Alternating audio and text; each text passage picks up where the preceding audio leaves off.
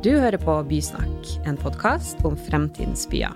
Her vil Omar Skje, Erling Fossen og faglig kommentator Maren Bjerkeng snakke med spennende gjester om trender innenfor byutvikling.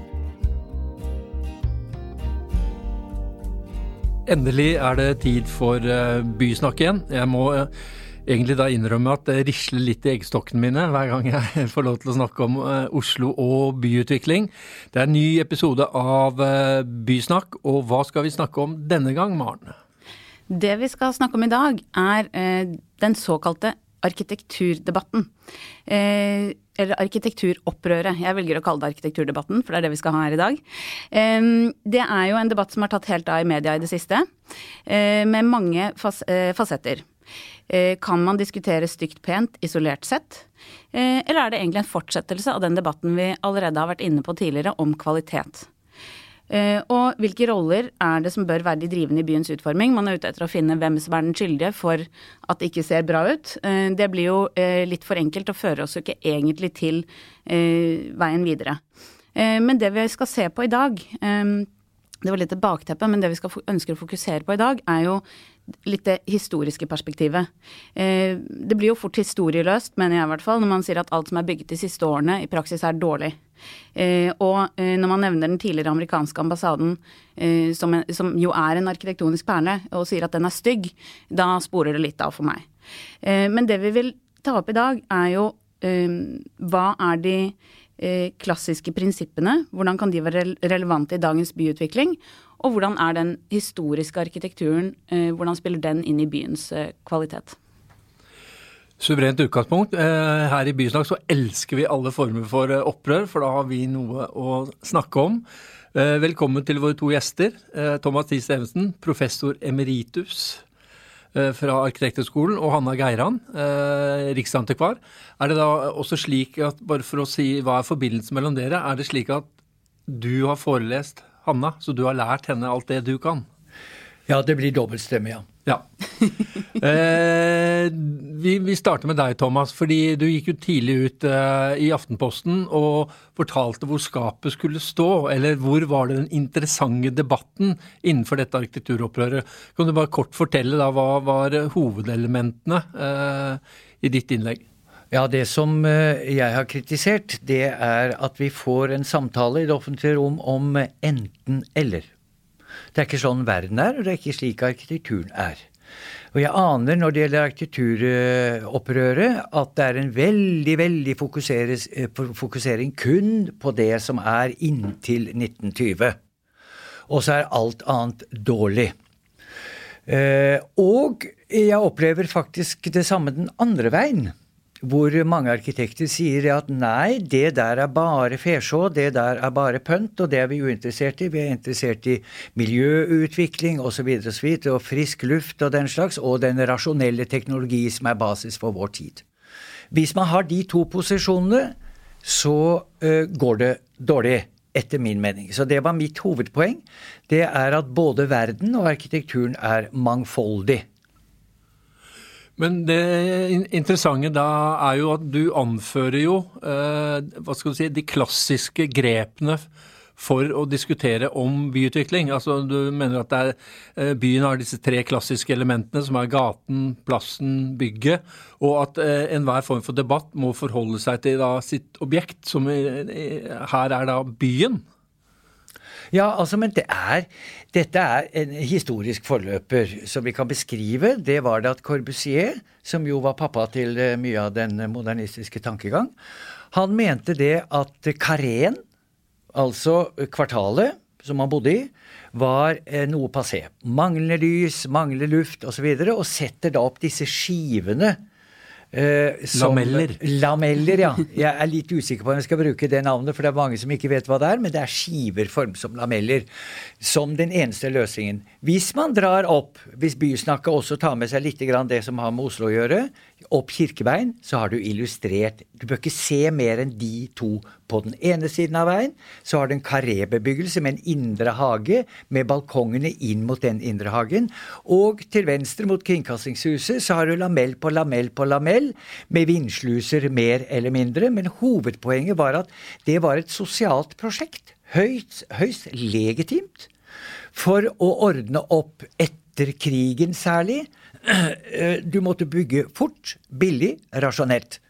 Og det har da ført til at utbyggere tror man fortsatt kan gjøre det, når verden faktisk er blitt slik at man ønsker tydeligvis, når man ser på arkitekturopprøret, høy visuell kvalitet. Jeg vil helst si visuell kvalitet, altså at blikket, hva vi ser, har stor betydning for vår opplevelse. Kan jeg komme med en liten supplering før vi går videre der? Apropos det med, med de lamell, den lamelldiskusjonen. Det er jo også et veldig viktig tema i den arkitekturopprørdebatten. er jo at det er Historisk sett så er det jo f.eks.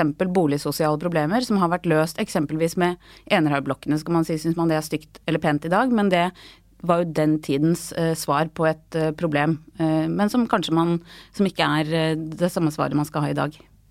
Nei, men det er jo det som er hele poenget. All arkitektur er et tidsuttrykk. Og det kan være høykvalitet innenfor det uttrykket som kan formuleres i form. Og det kan være dårlig kvalitet. Det vet vi jo. Men det viktigste er å eh, ikke først og fremst se på stil som det vesentlige, men på grunnleggende formingsprinsipper innenfor det å lage gater, plasser ja. Som vi, er Ja, vi må eh, introdusere hverandre. Eh, Hanna Geiran, fordi som, som riksantikvar så øh, for, for dette øh, Arkitekturopprøret er jo, har jo blitt, eller kan fort bli at det er tradisjonell arkitektur som settes opp mot modernismen. Og så innfører vi da 1920 som vendepunktet, og at alt etter 1920 er da sånn ubrukelig. Men som riksantikvar så kan ikke du sette epoker opp mot hverandre. Altså sånn, og da er det jo interessant hva, hva er det da disse kvalitetskriteriene du bruker når du da skal eh, se på vernepotensialet til eh, modernistiske bygg? Eh, altså Aller først må jeg si at dette arkitekturopprøret handler jo om en voksende bevissthet om liksom, hva omgivelsene våre betyr for oss. Og det er jo det som er så interessant. Jeg har jo gått og ventet på dette, denne debatten, egentlig. For jeg syns jeg har sett det ligge og vake i vannskorpa. Eh, men det Riksantikvaren jobber med, er jo å ta vare på og bidra til å utvikle byer og tettsteder, bl.a. Og det er klart at vi har eh, vi ikke, driver ikke bare med arkitektur. Vårt fokus er ikke bare å ta vare på arkitektur. Vi har kulturhistoriske altså andre kulturhistoriske elementer som på en måte inngår i vår vernevurdering.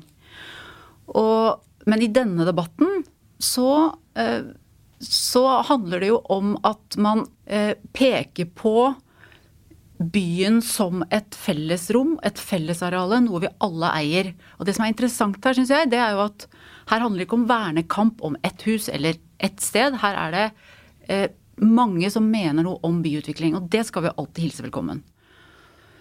Men når vi bruker, for å vende tilbake til spørsmålet ditt, så, så vurderer jo vi bl.a. dette med kvalitet. Arkitektonisk kvalitet. Altså vi kan frede etter kulturminneloven med altså med arkitektur eh, som utgangspunkt. Og jeg syns at kvalitetsbegrepet er utrolig interessant. Du var jo innom det innledningsvis også, for det slår jo alle rundt seg med. Det er et ord alle bruker. Det skal bygges med kvalitet. Det skal bygges med kvalitet. Men det er veldig sjelden jeg har eh, sett noe om hva det er Altså hva inngår i det ordet. Og for meg så inngår jo blant annet dette med gode materialer, og det er der de på en måte eldre bygningene gjerne er veldig bra. Bygd, man hadde få materialer å velge i. Det står seg, det eldes med verdighet, det tåler tidens tann. Og det handler om detaljering, og det handler om godt håndverk. Og detaljering og godt håndverk, det er noe som eh, gjerne kastes på båten eh, nå når man bygger. Men det gir, en, det gir en rikhet, og det gir en variasjon. Og det setter jo mange pris på. Men, men da, er vi, vi, da, er vi, fire stykker i studio som alle hilser denne debatten velkommen. Det er et veldig yes. bra utgangspunkt. Men uh, jeg vil også da Vi skal ikke drive med blame game, men hva er grunnen til at uh, det har blitt som det har blitt? Men deg, Thomas Thies Evensen, fordi eh, det er jo særlig massebyggeriet Eh, det standardiserte, monotone massebyggeriet, som jo da eh, du nevnte i utgangspunktet hadde da et annet utgangspunkt enn å være estetisk. altså Det skulle skaffe vanlige folk bolig. Men er, er det sånn massebyggeriet fordi du, når du skal diskutere kvalitet, så har du innført to prinsipper som du mener alltid må være til stede, eh, og som er interessant å diskutere. Og det er variasjon eh, og nærhet. Liksom, er de to uttømmende når man skal diskutere om kvalitet i forhold til eh, gamle, nyere bygg? Nei, men det er veldig viktig å ha overskrifter. Det vet enhver forfatter. Du må ha overskrifter. Og så risler da, i forhold til den overskriften man satte opp, eksempler, øh, øh, betraktninger osv. Men hold deg til overskriften. Det er det aller viktigste. Når jeg bruker de to ordene, så kan det tolkes i alle bauger og kanter. Det er derfor man må gå til bygningen selv. Snakke om gater. Hva er det en gate er? Hva vil en gate gjøre med deg? Jo, den leder deg fremover. Ikke sant? Hva er det et kvartal gjør med deg? Jo, den slutter om deg. Altså grunnleggende psykologiske kvaliteter som har både med offentlighet og med naboskap og med den individuelle opplevelsen å gjøre.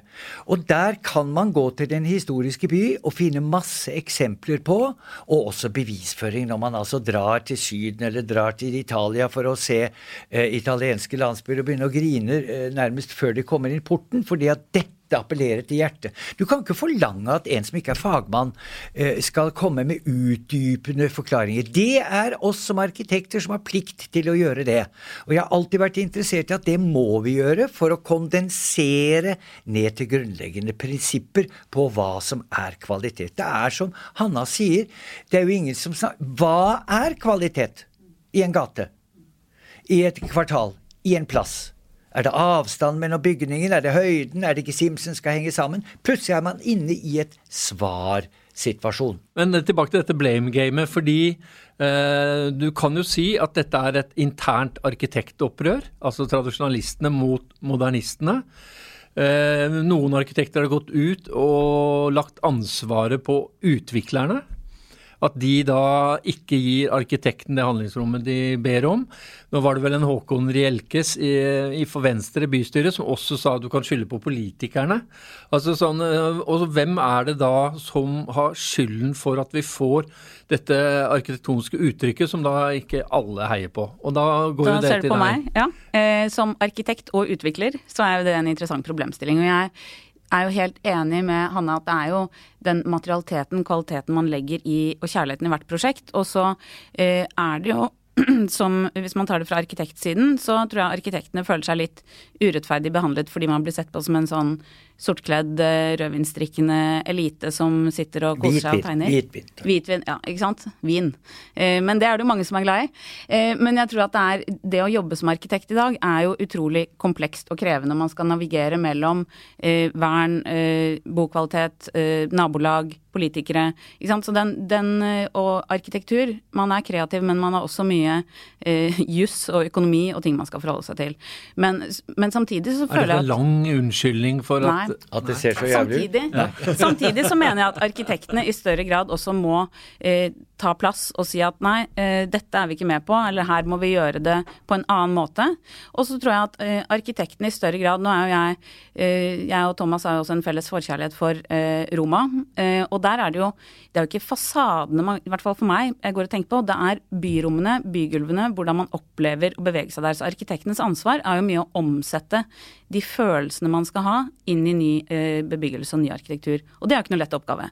Som utvikler så må man jo gi arkitektene rom, og man må eh, legge litt ekstra i den, eh, særlig i tidlig fase, at man gir handlingsrom for å skape de gode byggene, og også kunne tenke annerledes om det er eh, kanskje ikke kopier, men at det tilpasser seg eh, det byområdet det skal være i på en, på en eh, egenartet måte. Og det er jo de byggene vi skal uh, ha med oss videre framover. Da er jo kvalitet kjempeviktig. At ikke vi bygger masse dårlig nå som vi må revurdere om 20 år. Men fordi det også Etter hvert som denne debatten har rullet, så har det også kommet stadig flere eksempler på vellykket moderne arkitektur. Altså, og det, det er jo litt det der med Hvis det bygges da 1000 bygg, og så trekker man fram ti bygg som er forferdelige, da kan man skrive at det er 490 som er fantastiske.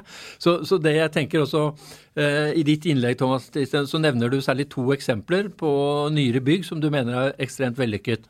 Og det er da eh, dette te lave teglbygget som går mot Maridalsveien på Vulkan. Vulkan, ja. ja. Tegnet av eh, LPO.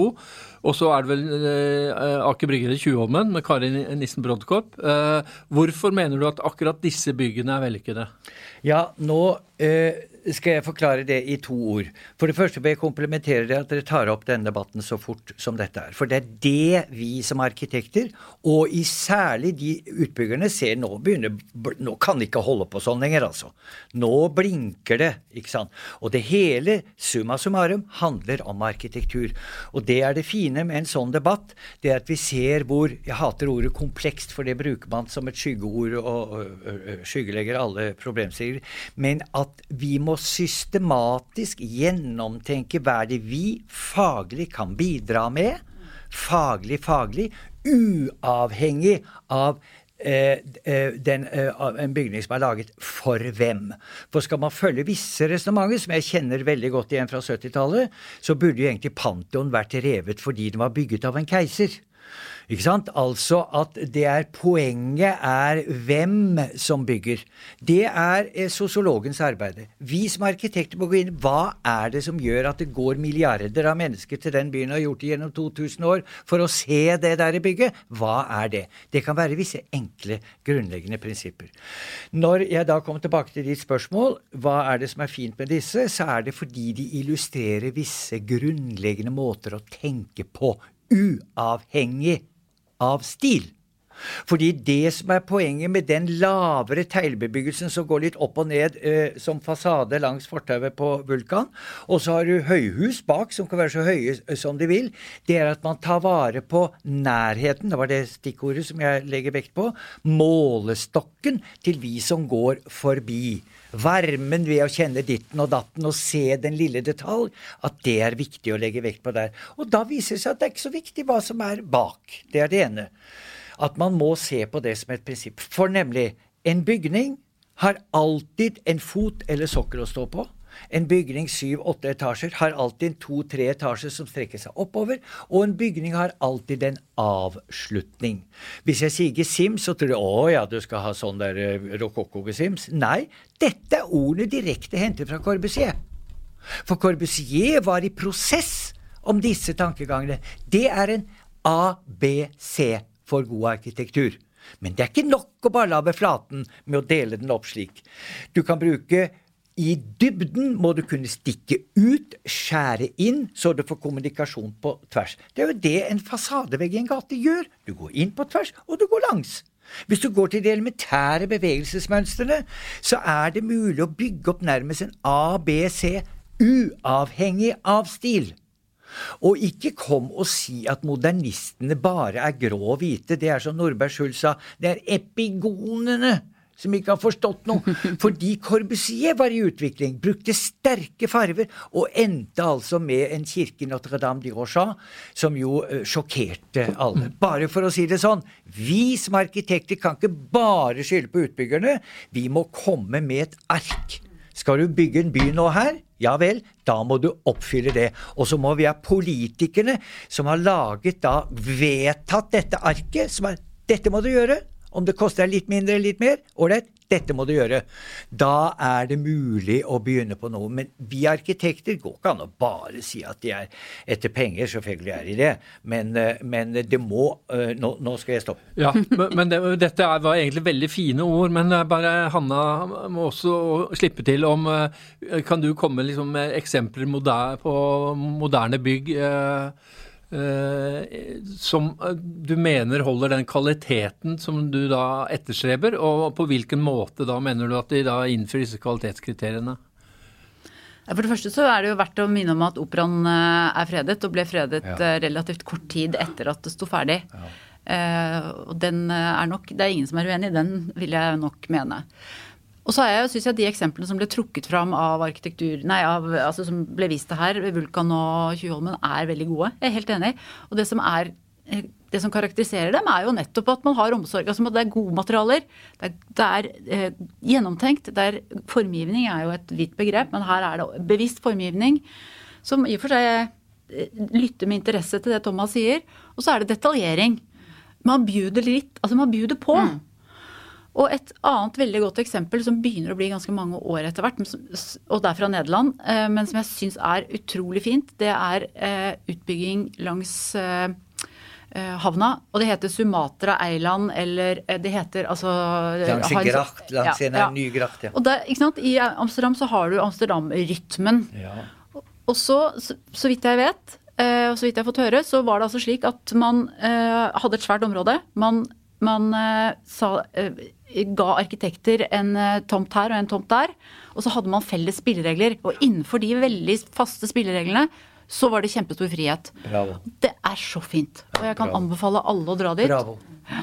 Og det er ikke, og det er ikke, det er ikke gammeldags, eh, men det er en, en, eh, noen fellesnevnere som gjør at det er et utrolig enhetlig om, eh, eh, sted, eh, område, men med stor og super variasjon. Men jeg tror det er jo litt Men da skal du bare øh, få litt alvor på dine skuldre nå, okay. fordi siste ord skal snart bli sagt, Ja. og det er det du som skal si. Ok. Eh, Jeg vil i hvert fall bare først si at det poenget sniker inn det, det poenget med at man også må ha spillerom for variasjon og nytenkning. Og man kan ikke si at Og der syns jeg noen prinsipper, noen spilleregler, også at man har en frihet innenfor det. Ja. Da får man også de, eh, den framtidens arkitektur. Eh, Og så tror jeg Både og, ikke enten eller, Nettopp. som en så overskrift. Nettopp. Og da tenker jeg at for å oppsummere, så tror jeg at vi, vi er vel enige om at denne diskusjonen, denne debatten, er kjempebra. Det legger et press på alle for nettopp å strekke seg lenger. Kanskje særlig utviklerne, eh, fordi det er vi som setter eh, de overordnede rammene. Eh, politikerne kan ikke overstyre detaljene, men det er også litt sånn å, å ikke prøve å finne hvem som er den skyldige, men å se framover. Hva er de gode eksemplene? Hva skal vi strekke oss etter? Og hvordan skal vi bygge de byggene som Hanna vil frede i fremtiden. Perfekt avslutning.